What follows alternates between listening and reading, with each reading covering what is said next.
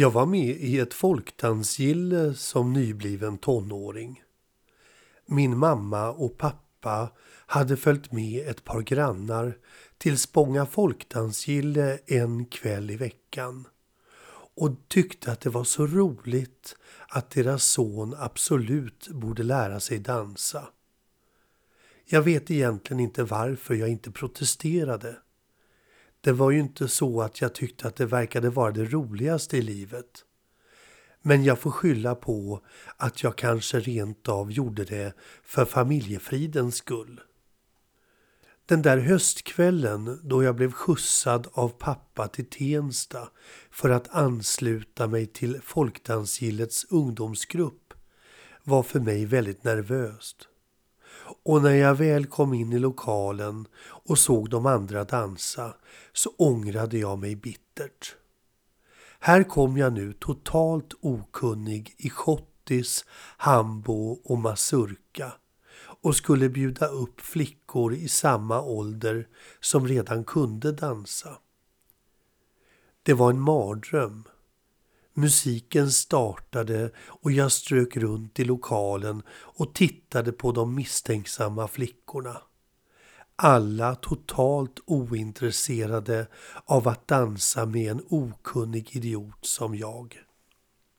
Fnissande, gängliga, finniga brudar som jag aldrig någonsin skulle ha träffat eller intresserat mig för om det inte vore så att jag hade gått till ett folkdansgille. Ledarna som redan börjat valsa runt till musiken skrek Se så, bjud upp nu! Och jag gick runt med mössan i handen så att säga och frågade Får jag lov? Eller kanske på ett modernare sätt, ska vi dansa? Flickorna stirrade bara eller tittade bort.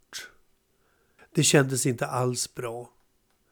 Ibland så tackade de nej, tuggade vidare på tuggummit och blåste lojt en bubbla som sprack framför min näsa. Jag fick känna mig dum och klumpig. Och på dansgolvet dansade nu Micke och Leffe med varsin tjej och de andra flickorna bjöd upp varandra.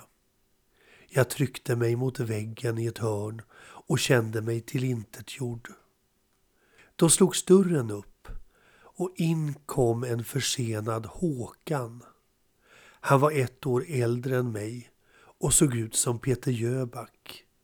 Det gick ett sorl i lokalen. Flickorna började tissla och tassla. Alla ville ha honom, förstod jag direkt. Och i pausen som jag för övrigt tyckte var det trevligaste inslaget i folkdanslagets verksamhet, så svärmade tjejerna runt Håkan som en myggsvärm. Jag var tillnärmelsevis inte lika söt som honom. Men jag började hårdträna. Jag gick till de vuxnas danskvällar och sökte tröst och blev upplärd i konsten att snurra runt i dansens virvlar av äldre förstående kvinnor som tyckte att jag var en underbart liten gullig kille och som gärna bytte ut sin trötta gubbe mot mig. De tryckte mig moderligt mot sina barmar och snurrade så jag nästan mådde illa. Och när det blev dags för fika så drog de med mig till sina väninnor för att presentera mig. Frågade mig om skolan och allt mellan himmel och jord. De tog mig till sina hjärtan. Och på helgerna så steg jag upp tidigt och gav mig iväg till mina nyvunna väninnor. Färgade garn, odlade lin, slöjdade näver sydde folkdräkter och mycket annat som för jämngamla killar och tjejer kanske inte alls låter lockande. Men för mig var denna gemenskap med de moderliga kvinnorna någonting helt annat än det utanförskap jag kände hos de jämnåriga. Det blev till slut så att ungdomsgruppen slogs ihop med de äldre seniorerna. Och vilka satt då som panelhönor längs väggarna?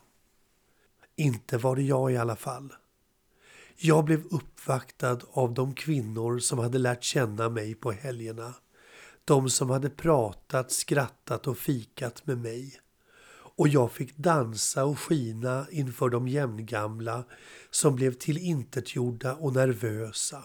Precis så som jag själv hade känt. Visst var det roligt att vara populär. Men hämnden är ljuvare än livet självt.